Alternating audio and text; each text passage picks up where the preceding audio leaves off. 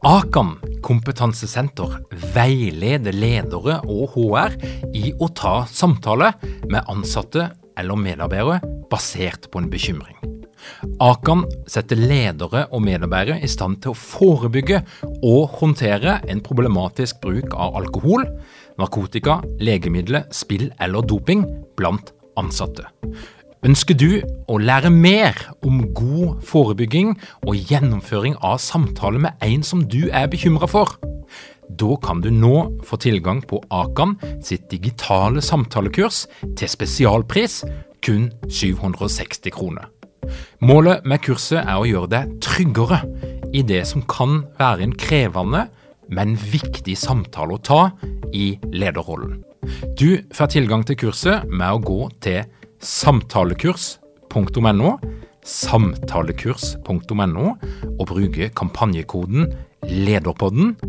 Tilbudet gjelder ut april. Hei! Før denne episoden begynner, så vil jeg bare gi deg en liten oppdatering.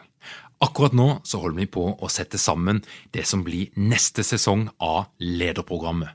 Lederprogrammet 2021 er tolv ukers digitalt lederprogram der du får møtt noen av landets fremste eksperter på psykologi og ledelse. Årets sesong ble utsolgt i de fleste kategoriene, og det er begrensa antall plasser. Hvis du er allerede nå nysgjerrig, så kom deg inn på lederprogrammet.no og meld din interesse, så gir vi deg oppdatering når vi har hele programmet klart. Vi setter også i gang med et digitalt kurs i den vanskelige samtalen, der du skal lære teknikkene, du skal få de verktøyene du trenger for å bli trygg på gjennomføring av krevende samtale på jobb.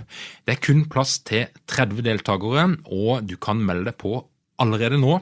Og da gjenger du altså inn på vanskelige samtaler .no, vanskelige samtaler.no hvis du har lyst til å bli bedre på profesjonell gjennomføring av vanskelige samtaler på arbeidsplassen.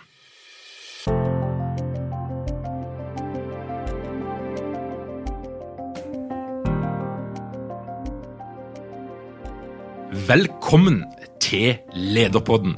Mitt navn er Tor Roger Eikerapen. Jeg jobber som organisasjonspsykolog og foredragsholder, og dette her er en podkast om ledelse. Kommunikasjon det har vært det store temaet i høstens episode av Lederpodden. Og vi tar stadig nye steg inn i kommunikasjonens verden og inviterer inn folk som har noe å fortelle, og som har noe å lære bort knytta til kommunikasjon. Spesielt til deg som er leder, men òg til egentlig hvem som helst. For kommunikasjon, du slipper ikke unna. Uansett om du er på jobben eller hjemme hos deg sjøl, så er kommunikasjon en ekstremt viktig faktor for å få ting til å funke med andre mennesker, og ikke minst få gjennomslag. Og Derfor så er det sto en stor glede å endelig ha fått med meg Hanne Lindbekk i Lederpodden. Velkommen, Hanne. Stor glede å endelig få være her, Tor Åge. Takk skal du ha. Du har jobba med kommunikasjon i snart 20 år, mm. og eh, ditt utgangspunkt det synes jeg er veldig det, er veldig det er gøy. For vi treffer jo på mange rare figurer i denne konsulentverdenen, altså mange forskjellige bakgrunner. Eh, eh, men jeg syns at din profesjonsbakgrunn, som du da har tatt inn i lederverdenen, den, den har et, eh, både et særpreg og noe unikt med seg, som jeg tenker er ja, du vet hva du snakker om. ja, du tenker på Anne, kan ikke du fortelle litt? Eh, ja, fortell litt. Henne, du, du, fikk jo en telefon på et tidspunkt der du ble tilbudt å komme på en lukka audition eh, til et kjent TV-program yeah. som heter Hotell Cæsar. Eh, men du valgte noe annet. Kan ikke du fortelle litt om det? Eh, jeg hører du har lest boka, det er veldig gøy. Jeg, jeg, eh, hadde en form for verdivalg i livet. Jeg satt der hjemme og fikk en beskjed om at jeg kunne få komme på en lukket sånn siste runde til en rolle i Hotell Cæsar som faktisk da, etterpå hun som tok den, hun, eh, hun, hadde den i 20 år. Så det har blitt litt sånn Parallel Lives-opplevelse ut av det hele, og jeg faktisk valgte å ikke gå på audition. Og det er ikke av disrespekt for de som gjør Hotell Cæsar, for Hotell Cæsar er utrolig vanskelig å få til å bli noe som helst ok i det hele tatt. Det er hardt arbeidende skuespillere du så der, men min, eh, min interesse for å bruke teaterfaget på en annen måte var til stede, da, så jeg var ikke til salgs, så jeg sa nei. og det var ikke noe lett valg. Men det gjorde jo at jeg begynte å tenke hva kan jeg gjøre for å ha integritet og kunne bruke teaterfaget mitt på andre måter. Og det, og det har du jo gjort, og, og du hoppa jo da rett inn i gründertilværelsen. Som, som ikke det å være skuespiller i seg sjøl var usikkert nok, så skulle du da ta liksom steget enda lenger og faktisk skape noe helt nytt. Eh, I hvert fall i Norge. Kan ikke du fortelle litt om hva det som var, og hva det du, du så eh, verden trengte for noe? Det fins masse eh, mennesker ute i verden som driver med det som jeg driver med, men, men, det var ingen som egentlig hadde systematisert det og lagd ordentlig butikk av det her i Norge før. Det er noen modige sjeler som gikk før meg, eh, Marie Louise Tank bør nevnes, men ideen om at vi som skuespillere og utøvende kunstnere med scenekompetanse og TV-rutekompetanse, som jo ikke minst har blitt viktig nå, da, vi har jo noe å tilby mennesker i andre yrkesgrupper med en gang du tenker at hvis jeg skal kommunisere med vilje, så trenger jeg å ha litt peiling på hvordan jeg kommer over hvis jeg ikke tenker meg om. Og hvem bedre enn til å hjelpe deg til å få til det å komme over på en ok måte enn et menneske med den bakgrunnen, da. Så vi er, per i dag så shopper vi jo, vil jeg si, fra teaterfaget, fra sosialpsykologi, fra retorikk og fra coachingmetoder når vi jobber, men det er det er den derre unike greia med at vi skuespillere søker jo å etterligne virkeligheten, i hvert fall hvis vi jobber i realistisk tradisjon, og det er veldig gøy å lage verktøy av det å lære til andre. Det er kjempegøy. Mm.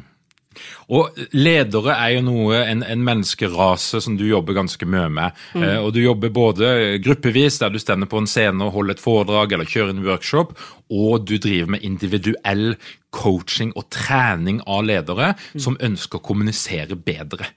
Og jeg har jo fått med meg at du irriterer deg litt over en del ledere som kommer på kurs, og som, og som får tydelig tilbakemelding på ting de må jobbe med, men som bare sitter der og gjør ingenting med det. Ja, eh, kan jeg si at den tiden kanskje har gått litt over, Tor Åge? Altså her tenker Oi! jeg at vi ser en av, de, en av de få, men absolutt tilstedeværende, positive effektene av covid-19.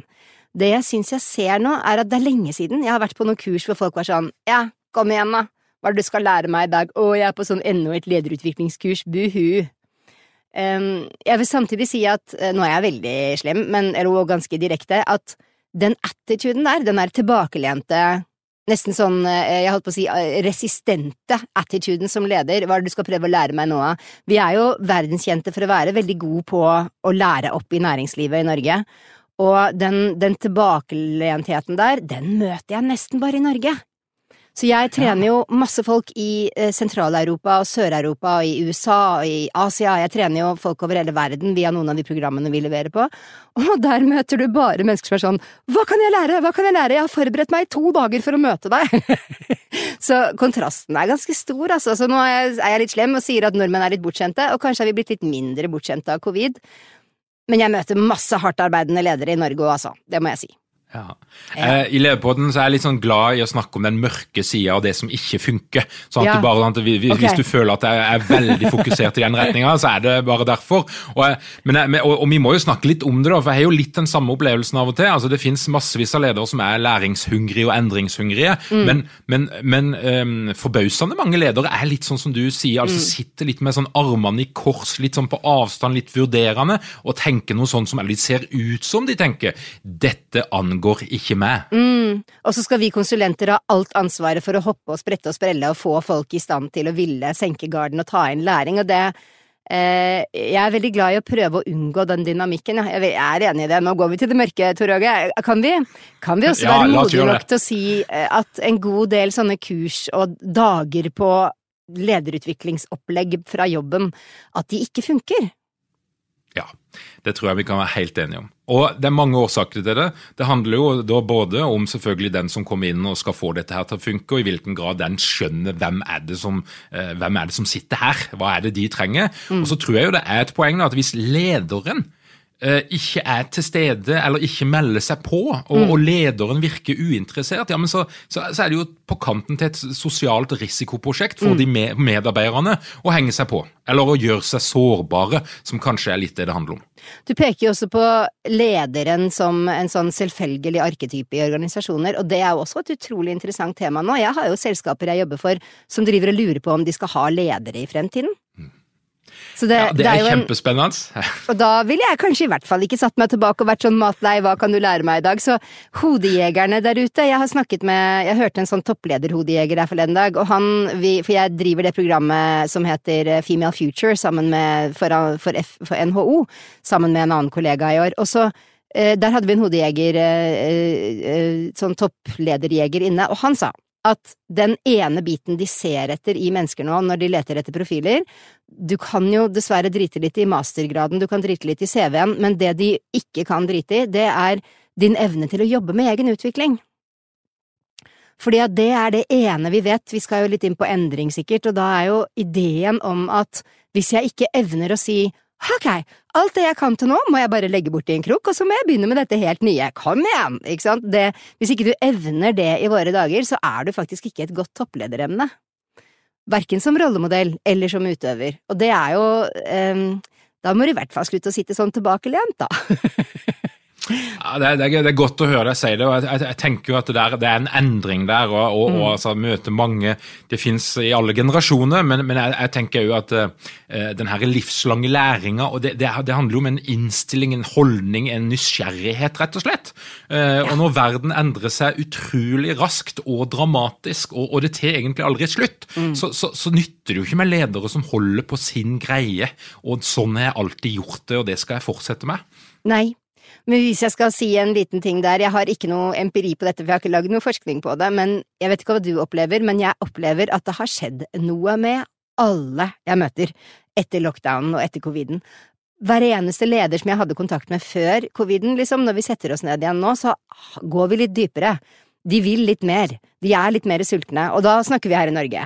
Så, så, jeg håper jo at, det, eh, at coviden faktisk har vært en, en, øyeåpner og en vekker for mange av oss. Det er litt sånn dette som vi har prøvd å skape i så mange år, sense of urgency. Nå, her kommer den. Nå er det ekte. Mm.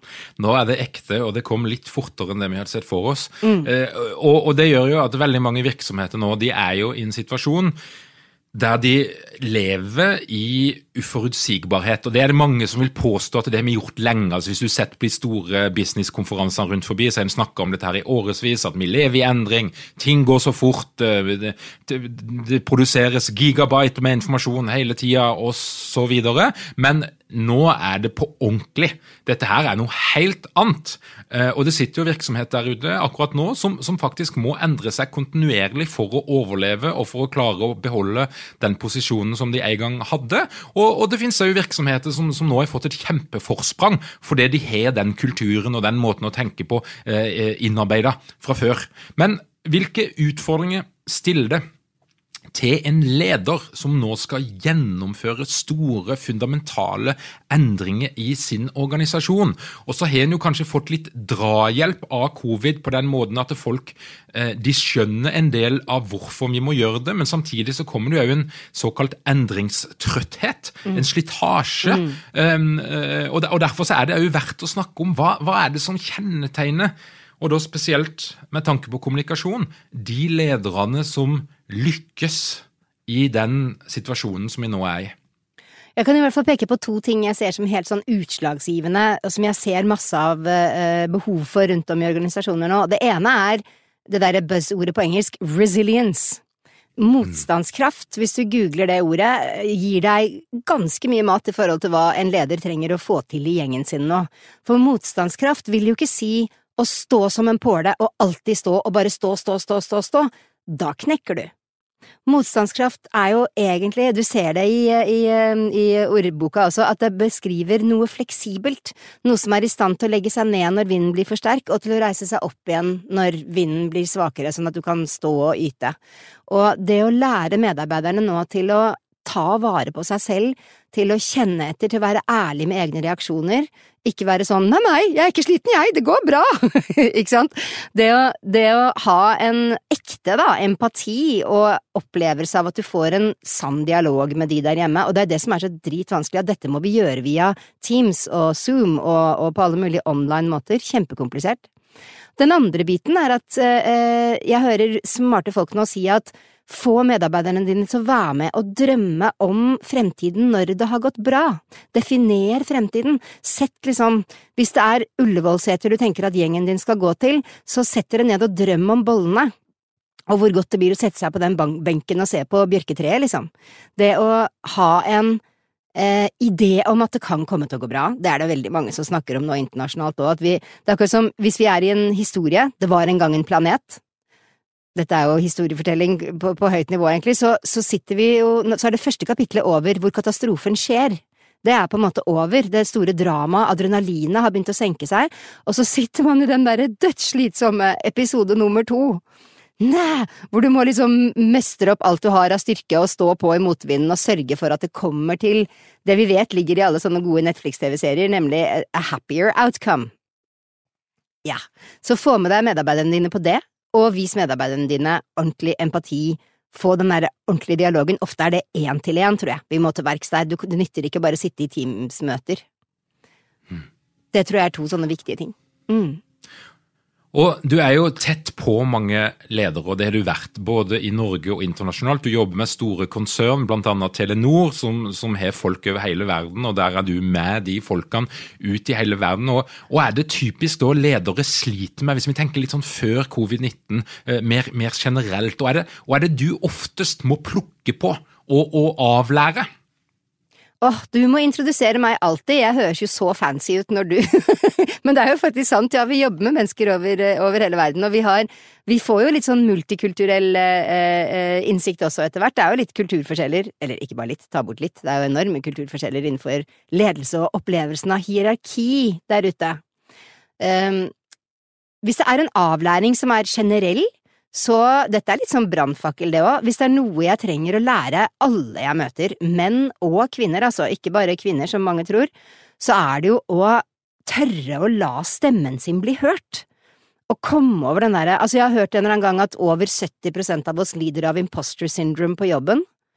Og jeg tror at noe av min kommunikasjonscoaching handler om å overkomme tanken om at nei, min mening er vel ikke noe viktig, vel å få folk til å tørre å for det første krystallisere og komme til poenget med hva de faktisk mener om en sak, og tørre å la stemmen sin bli hørt. Så den ideen om at vi alle sitter rundt altfor mange møtebord og tenker ja, men noen burde jo si noe om det, og så er vi ikke den som sier det.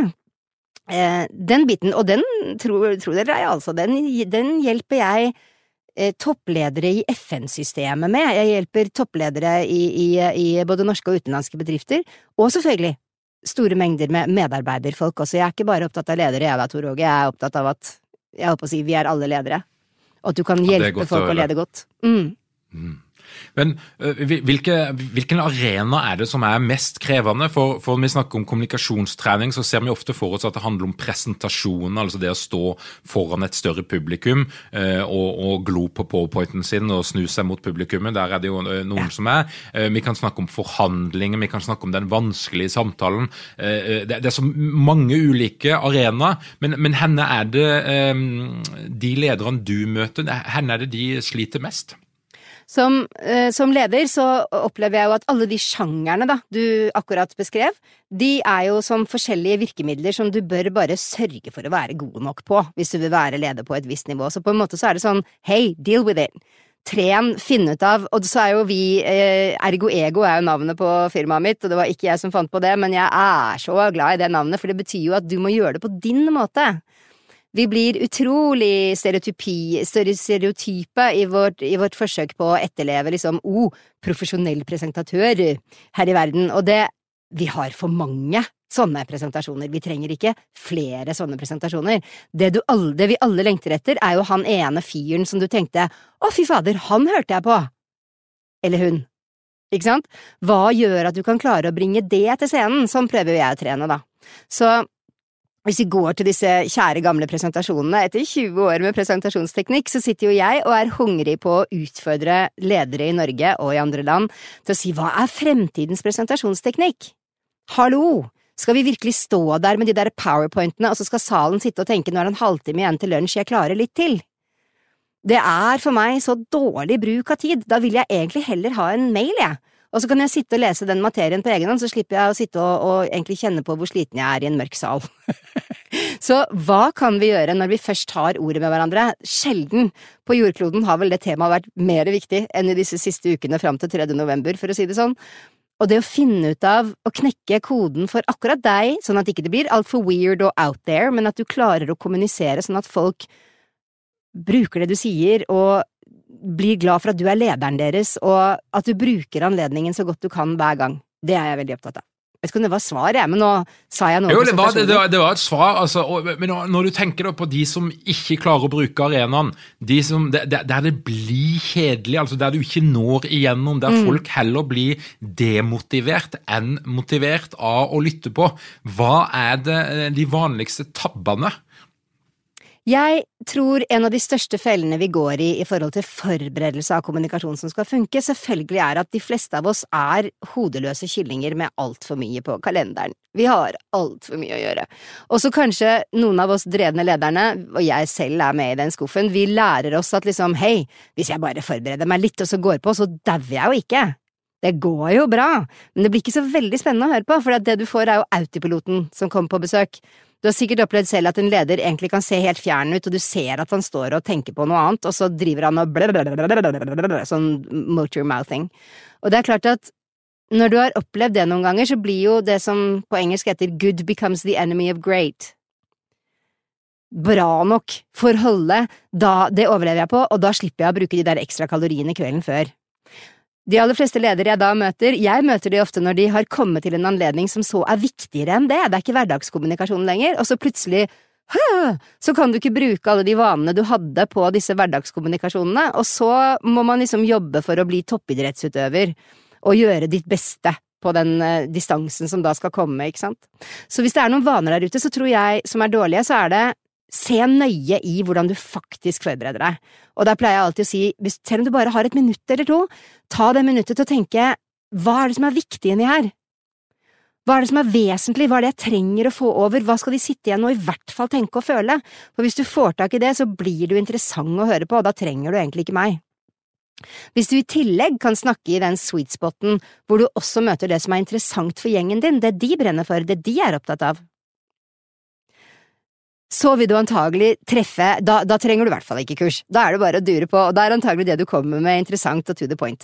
Det jeg vil råde deg til å slutte med med en eneste gang, det er de gangene hvor du tar ordet for nå tar jeg anførselstegn, å bare informere litt, eller bare kjapt gå igjennom.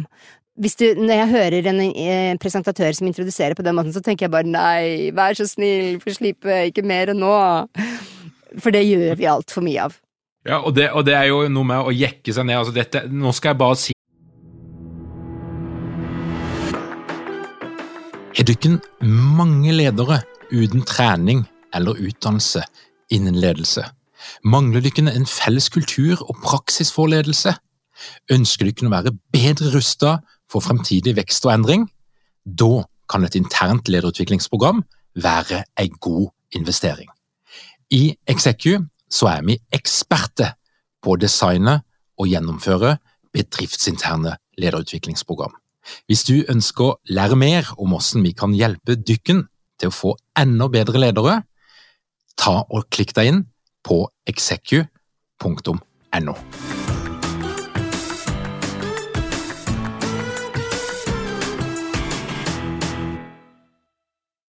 noe kort. Dette her skal jeg ikke bruke lang tid Nei. på. Uh, uh, en sånn er, type annonsering. Og hva er underteksten der? Det er kanskje egentlig sånn uff, jeg er ikke så viktig, du er tilbake til imposter syndrome, og du tenker også kanskje åh, jeg har ikke fått forberedt meg ordentlig til i dag, så da sier jeg det på en måte så jeg får litt sånn den, denne her teller ikke. Ikke hør på denne ikke sant, og så teller den jo.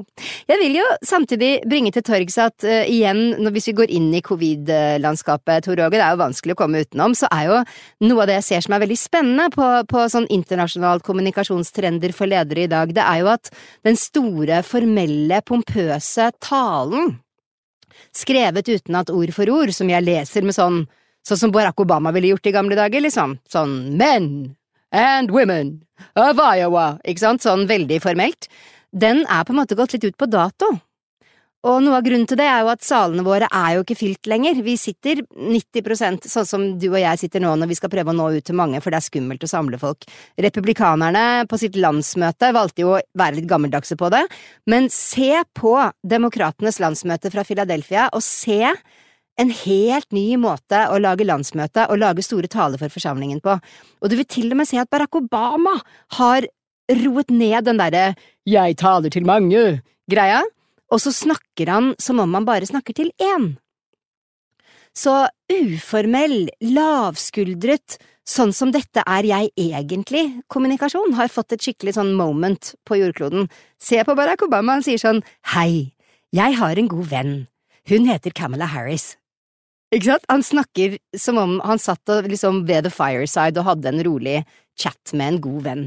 Så det er også et tips, og, å, å hvis dere skal på en måte prøve å utfordre og utvikle presentasjonsteknikken deres der ute, mitt råd er prøv dere på den der uformelle lavskuldrede, for nå er virkelig en god tid å øve på det. Det er mye mer behagelig i eh, Teams-mikrofonen enn sånn som om jeg snakker til mange. Mm. Og du jobber jo med endring. Mm. Du, altså, en ting er at du hjelper ledere å gjennomføre endring i egen virksomhet, og det har du gjort lenge, det er ikke noe nytt med, med covid. Men, men, du er jo òg en person som, som er, observerer at mennesket endrer seg. For nå snakka vi litt i stad om de lederne som ikke ønsker å endre seg, og som er resistente mot endring, og som har en bestemt seg for at jeg skal i hvert fall ikke forandre på noe. Og så snakker vi om de lederne som en da tenker på kanskje, som kanskje de moderne lederne, som, som, det å ønske å utvikle seg er faktisk en lederegenskap, en lederferdighet, et talent. Men hva, hva er det du ser, hva, hva, hva, er det som kjennetegner de prosessene der folk faktisk forandrer seg? Altså der de gjør f.eks. et stort løft knytta til kommunikasjon. Og det er et veldig, veldig godt spørsmål. Hva gjør liksom et menneske trenbart? Ja, eller, hva, hva, hva, hva, er det, hva, er det, som skjer altså, i de prosessene? da? Du kan se for deg han, du, du, møter jo noen ledere som er i utgangspunktet håpløse. Det må vi bare være så helt ærlige å si. Det er ledere som blir sendt til deg. Eh, for at eh, de, de er kjempefaglig flinke, og de har gått på alle de rette skolene, og alt dette her, men kommunikativt så er de helt håpløse. Og Da kommer de til deg og så sier de, bruk så lang tid du vil. Du har fritt budsjett, bruk alle de pengene du bare har. Eh, men få denne lederen til å stråle litt mer, for vi trenger en leder som klarer å, å, å få folk med seg. Um, og, og, du har sannsynligvis erfart noen ganger gjennom din karriere at det er ledere som da har gått ifra å være håpløse og ikke skjønner det sjøl, til å bli særdeles eh, bevisst og profesjonelle og flinke. Eh, og det jeg lurer på, det er jo hva er den magien som skjer mellom deg og en leder, og eventuelt på innsida av den lederen, som gjør dette her mulig. Det jeg sitter og tenker når du snakker nå, Tor Åge, det er jo dette med at vi er jo flokkdyr. Så jeg tror at hvis jeg hadde klart å sette meg på en bestemt tilbakelent eh, eh, sånn jeg kan aldri forandre meg leder, og så fått han eller henne til å virkelig komme ut av skallet og bli suveren til å kommunisere, da hadde vel resten av gjengen sittet og vært sånn hva i all verden er det som har skjedd med henne nå, dette her er bare helt fake. Så eh, en av de tingene som når du sier det du sier, så tenker jeg jeg ser noen ganger at kulturer, team, gjenger tar det steget der, sammen. Og det er gøy ah. å se ah. på! Det er helt sykt! Jeg jobber blant annet mye nå for uh, det selskapet nede i Europa som heter Deutsche Telekom, um, og de er helt sykt i endring, selvfølgelig. Telekomindustrien er jo det. De må jo virkelig finne på på nytt hva det er de skal være og leve av og det hele. Og Deutsche Telekom er en av de organisasjonene som overlever, og du vil ikke tro hva de lager, også for eksempel av lederutviklingstiltak. Da. Jeg driver podkast for dem. Og de lager TV-sendinger som er interne lederutviklingsting. De, de har altså så mye ekte fremoverlent kreativitet i liksom Og, og de bare får det inn i DNA-et. Du kan bare drite i å sette deg tilbake og være Og da, vi snakker hovedsete Tyskland. Dette er regelryttere, dette er mye ingeniører, men den tonen som vinner, er den nye tonen. Så da, jeg tror igjen, for at, eh, da kan jeg skryte litt, jeg var nede for, for et par uker siden, ufattelig spennende, og lagde podkast om talentutvikling sammen med han som er lederen for T-Systems, og hun som er HR, chief HR for hele Deutsche Telekom, det er mange hundre tusen ansatte, og de to satt og snakket om talentutvikling, og snakket stort sett om lidenskap i en halvtime, da, og snakket om personlig engasjement for jobben og, ikke sant, og da er jo, når de gjør det, da blir gjengen med på tur, vet du. Så jeg tror det er veldig viktig med rollemodellering i våre dager. Jeg tror at det å få gjengen til å ta stegene sammen er viktig. Og så kan du si, tilbake til spørsmålet ditt, så sitter det da en eller annen La oss gjøre han til ingeniør, og si at uh, han jobber i et stort selskap som driver med ingeniørutøvelse, og han har aldri trengt å være så veldig karismatisk eller ta scenen eller ikke sant, og, og de andre når de går på scenen, så er ikke de så veldig sofistikerte, de heller. Hva skal jeg lære han til? Ikke sant? Jeg skal jo ikke lære han til å bli liksom Harald Eia, eller til å bli sånn ekstremt ekstrovert på en scene. Jeg skal lære han til å stole på, hvis han er introvert, da, stole på at hans rolige, ålreite, tillitsvekkende måte å kommunisere på kan være kjempelur på en scene. Men jeg skal samtidig også jobbe sikkert med han på struktur, så han ikke bare snakker om faktaene, for det er jo det ingeniører veldig ofte gjør. De forteller deg hva. de forteller deg alle faktaene de kan komme på, så du skjønner at de har skjønt logikken. Og så skal jeg kanskje hjelpe han til å være litt mer, eh, jobbe med narrativer, være litt mer sånn at du kan klare å ta meg med på en overbevisningstur som er noe annet enn bare tall og fakta.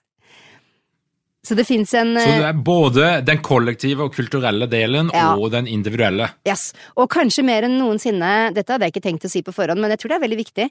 Kanskje mer enn noensinne, når noen tar et steg i gjengen i dag, hvis du ser noen rundt deg som blir annerledes, blir bedre, lener seg fremover, blir mer nysgjerrig, åpner opp, er klar for det alt det nye som nå må komme, så tenker jeg istedenfor å holde hverandre tilbake, som vi jo så ofte gjør i kulturer, da sier vi sånn åh, hva er det som har skjedd med han da, han har blitt skikkelig rar, han, ikke sant, så tror jeg kanskje vi heller skal prøve å snu på det og heie hverandre frem, altså, for det det kommer. Nå kommer både blended intelligence og artificial intelligence, og fremtiden kommer til å være her mye fortere enn jeg tror vi tror, spesielt her i Norge. Og det å, virkelig være nysgjerrig og fremoverlente, det er viktigere enn noensinne. Og så er du litt opptatt av, ikke bare litt, men du er opptatt av at eh, det å drive med kommunikasjonstrening, det å jobbe med den type tema, det handler ikke om at folk skal bli noe annet enn hva de er. Eh, og det kan du godt være litt sånn tydelig på, for at du, du både skriver og du snakker om at, altså at det, det å jobbe med kommunikasjonstrening, det handler, det handler ikke om at du skal liksom bli en sånn der fake sånn PR-byrå-produkt, som jeg av og til ser noen politikere bli, som har gått på altfor mye dårlig, dårlig medietrening. Yep. Eh, eh, våre tanker går til de etterlatte opplegget. Eh, eh, men men, men, men, men, men, eh, det, det som du eh, det som du eh, er opptatt av, det er å, å, å finne mennesket. Finne det genuine, finne det ekte, og eh, forvalte det, få det fram på en best mulig måte. Kan du ikke si litt om det? Jo, ja, så vi har, eh, uten å eh, sparke til alle andre kommunikasjon- og PR-byråer her i verden, for det er mange som driver eh, som oss, men vi tenker at vi må ta disse kommunikasjonsferdighetene tilbake fra sleipingene, Tor Åge. Det kan ikke lenger være Hvorfor skal det være så kynisk å være flink på kommunikasjon? Jeg pleier alltid å si liksom på mine kurs, du er på mitt kurs, da, er, da jobber vi i det godes tjeneste. Jeg er på jakt etter ålreithet. Alltid. Og jeg tenker at ålreithet som virkemiddel vinner mest frem. Det vinner over å være kjip og spille spillet. Um, jeg tror at, og, det er jo, altså, Aristoteles sa jo dette for 2500 år siden. Så sa han hvis jeg skal velge mellom to mennesker som holder tale, og han ene virker usympatisk og den andre virker sympatisk, så vil jeg velge den sympatiske. Så er, de skjønte et par ting, disse gamle menneskene som gikk rundt. Jeg har alltid lurt på hva de spiste til frokost. Bakke skulle gjerne vært der et lite øyeblikk. I utgangspunktet så er jo den tanken om at vi er i endring og lever med endring, det er skummelt. Det er ingenting ved det som ikke er skummelt, og enhver leder som prøver å si liksom vi må ha endringsresistens, vi må fikse endring. Endring skaper fight or flight-respons og amygdala-effekt i oss alle.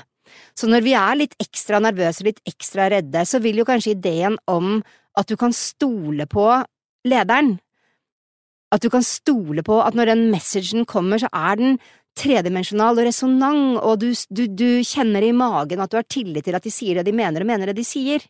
Det tror jeg er viktigere nå enn noensinne, for jeg tror veldig mange av oss lytter mellom linjene og er sånn blir det oppsigelser? Blir jeg permittert? Det er veldig mange helt reelle ting å sitte og være redd for akkurat nå, og hvis leder da ikke er helt til å stole på, eller virker litt sånn tillært av et glatt PR-byrå, da tror jeg i hvert fall jeg ville blitt enda reddere. Så jeg har rett og slett faktisk de siste valget eller to, så har jeg valgt Nå er ikke det at liksom, telefonene har ringt så veldig, men jeg har tenkt at jeg har ikke lyst til å coache politikerne mer. Jeg vil at de skal slappe av på den der coachingen, og så skal de finne ut av det selv. sånn at de kan bli litt mindre polerte og litt mer, litt mer et eller annet, et eller annet ekte. Jeg ser, jeg ser, det for meg. Det er liksom Oi, Jonas ringer. Nei, nei, nei. nei, nei, nei. Ja. Den la meg, den la meg ligge. Og jeg har blokkert han for lenge siden. Nei, nei, nei. Det er ikke det de ringer meg med, da, så det skal jeg ikke ha på meg. Men jeg, men jeg har også tenkt at jeg, jeg lengter etter en politisk debatt, og jeg lengter etter et klima, og det vet jeg at noen av toppolitikerne sier òg. De står bare og sier sånn å ja, det er det du har fått beskjed om å si i dag. Ikke sant? Mm. Og så lengter de også etter at samtalene skal bli litt mer ok igjen, litt mer ekte. Og du, du har jo jeg har hørt at du, du refererte til forskning fra eh, MIT og, og litt andre steder, som, som altså det, det tradisjonelle, altså lo, logos og, og etos og Patos, ikke sant? ja. Det er retorikken. Og, men, men du har jo litt mer nyere forskning som du refererer til, som, som handler om at eh, kanskje er det av og til bare to av de som er de aller viktigste. Altså at eh, en, en, en leder eller en person som snakker, ja, vedkommende må utstråle at, at eh, vedkommende vet hva hun eller han snakker om, men det må ligge noe kjærlighet der, det må ligge noe empati der. Du må få en følelse at vedkommende bryr seg litt om eh, det menneskelige aspektet. Er det riktig? Det er jo riktig, og det er ikke jeg som har funnet på dette. Vi prøver i Ergo Ego, så prøver vi å gjøre alt vi leverer skal være forskningsbasert. Vi skal kunne gå til forskningen, for det er så lett å bli så wishy-washy i det yrket her, og det, jeg hater wishy-washy selv, så jeg er på jakt etter sånn eh, forskning viser at hele tiden. Um, og, og ja, det er riktig at eh, og, og det er igjen en sånn veldig Det er veldig gøy å si hva er trendy og moderne der ute? Hvis du ser på internasjonale toppledere nå, hva er det du ser? Og så tenker jeg at det er viktig å faktisk for norske ledere også ha et øye for hva som er trendy og moderne, fordi at vi liker å være sånn som land vi liker å sammenligne oss med. Akkurat nå er trenden der ute veldig mye lenger i den retningen du peker på nå enn det vi har i Norge. Altså, folk er veldig opptatt av eh, relasjon og the, the human-centric dimension, og at eh, en av de måtene du ser det på, er at alle skal fortelle sin personlige historie. Ikke sant? Nå er jo det ene fenomenet jeg ikke snakker om, er det som skjer akkurat over i eh, USA akkurat nå, da, for det, han går jo helt andre veien, det er helt andre virkemidler på spill, det tok meg lang tid å begynne å skjønne hva det handlet om, men, men for oss andre, da, så kan du si, hvis den gammeldagse måten å tenke på fremdeles lever, så er det å være personlig, det å vise at du er ålreit, det å vise… Hvis jeg viser meg litt åpen, hvis jeg sier at noe gikk litt skitt, for eksempel, og viser litt sårbarhet, da er det mye lettere for deg å vise sårbarhet tilbake, da begynner du å stole på meg mye mer, og da har vi faktisk mye lettere for å ha en god produksjon av et resultat, enn hvis du ikke stoler på meg. Så all messaging blir jo lettere også hvis man tør å stole på hverandre.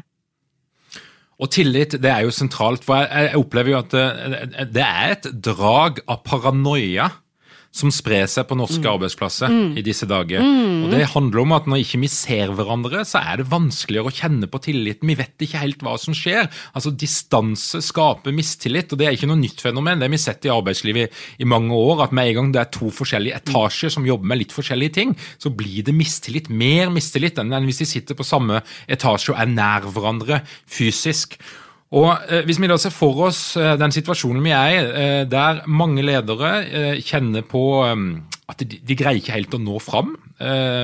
Folk sitter på hjemmekontor i perioder. Framtida er svært uviss. Eh, en del ledere sliter mellom å balansere graden av autonomi og frihet som de skal gi til sine medarbeidere, og sitt behov for å ha kontroll. For de her store systemene de må jo ha en eller annen form for kontroll. Det skal rapporteres, og plutselig ringer det en eller annen statsråd og lurer på ditt eller datt. Altså det, er, det er, eh, vi skulle like at det var sånn at vi kunne bare slippe fri. Men hvis du skulle koke ned alt det du har erfart, Hanne, og så skal du gi noen sånn spisse, konkrete råd til en leder som sitter nå midt i alt dette her, og prøver da å, å være en leder som skaper motivasjon, engasjement, trygghet og tillit. Henne er det du må begynne, hvis du skal bare ha et par kjappe, konkrete tips. Jopp.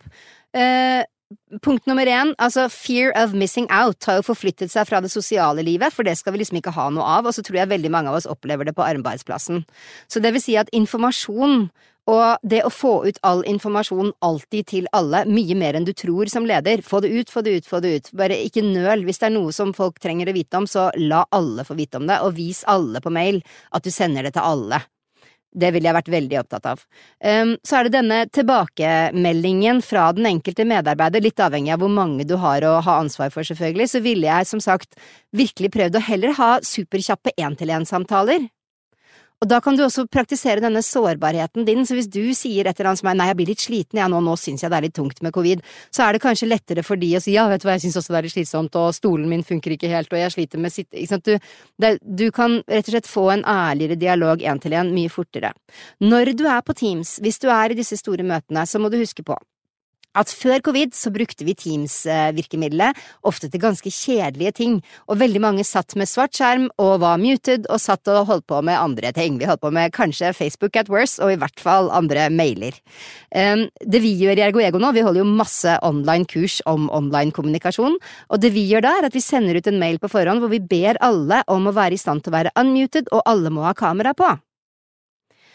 Og jeg har gjort det med ledergrupper opp til 16–17 mennesker, og det funker helt fint, bare alle er forberedt på det. Og så ber vi veldig fort om interaksjon, sånn at det er ikke sånn oh, nå skal jeg sitte og være talking head i to timer og du skal høre på meg, men jeg får veldig fort i gang en interaksjon og senker skuldrene for å si ting i denne virtuelle spacen, og da tar det ikke lang tid, skjønner du, så har du noe som ligner på en ok samtale. Og da kan, da kan man plutselig Her forleden dag så brukte vi fem minutter på å snakke om neglelakken til hun ene. og så gikk vi tilbake til en veldig sånn skarp agenda, ikke sant, så det, da får du den flyten, og den tror jeg også Du skal ikke undervurdere atmosfære online for å skape samhold akkurat nå. Så det ville jeg virkelig gjort. Unmute, få på skjermene, ikke sitt i hver deres krok og hold på med mail mens møtet foregår. Og eh, en siste ting, har jeg tid? Kjør på! Vær, vær en god og ålreit lytter! Det er kanskje noe av det viktigste, ikke sant? Du, vi har alle vært på den derre eh, at hvis alle skjermer er svarte, og så er du ferdig med monologen din, og så sier du ja, er det noen spørsmål da?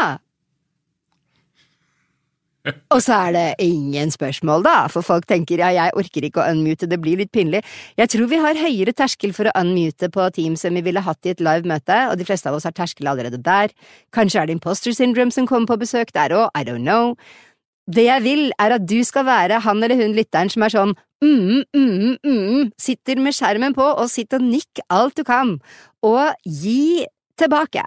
Liksom, er det noe spørsmål? Ja, jeg har et spørsmål! Hvordan er været i dag? du kan, ikke sånn. Hva som helst vil være bedre enn ikke noe spørsmål. Mm. Så det var et lite hjertesukk fra meg her.